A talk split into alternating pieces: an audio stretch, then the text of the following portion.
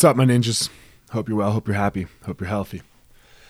Um, so I try not to get political on any topic or anything like that, but uh, it's going to happen today.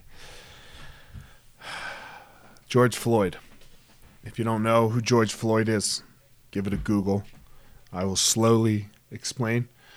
Um, George Floyd had committed some type of crime, nonviolent crime, and uh, was being apprehended by the police. Uh, four police officers, two behind, three on him, one handling the scene, and one particular officer uh, towards his head, as the others were handcuffing him, uh, placing his knee on his neck for 10 minutes until he lost consciousness 10 minutes straight and then later died. Um, obviously, George was African American, uh, and this just continues the uh, the brutality that you see happening, uh, in particular to the African American community, uh, by the hands of the police. But I want to skip the race issue. I want to talk about just the human issue. How can one human being do this to another human being? What's going on with us? That we have this type of lack of care about each other. No matter your background or where you're from or or what religion you practice. And we're seeing this everywhere. This isn't just this isn't just the the, the police and, and the black community or this cop and George Floyd. Where why don't we care about each other?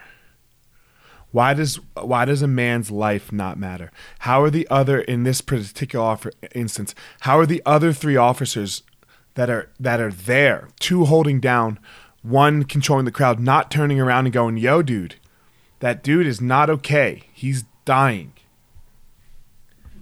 How, where where where did this go? How how do we scream and yell at each other? How do we hate each other so much? How did we allow ourselves to be here? How can we disagree on this issue? How can we disagree on the George Floyd issue? How can anyone watch that video because it's 10 minutes long and not be like, yo, that's murder? How are we even thinking that these officers might get off? Like that that shouldn't even cross our minds. But it is. How do we get back to loving each other? How do we get back to truly caring about our fellow fellow man and woman obviously, but man's the term right, right? Like How do we get back to our religions? And when they say to love each other, every single one of them. Every single one of them has that in it but yet somehow we've used them to divide ourselves. We've used our skin color to divide ourselves. We've used a fucking virus to divide ourselves. What the fuck is going on? How how how did we allow this to happen? You included, me included. This needs to change. Go give someone you don't like a hug. Mend the relationship. Who cares? Fix it. The only way to fix this is one person at a time. One person at a time, so that, man, we all start to realize how important each and every human life is.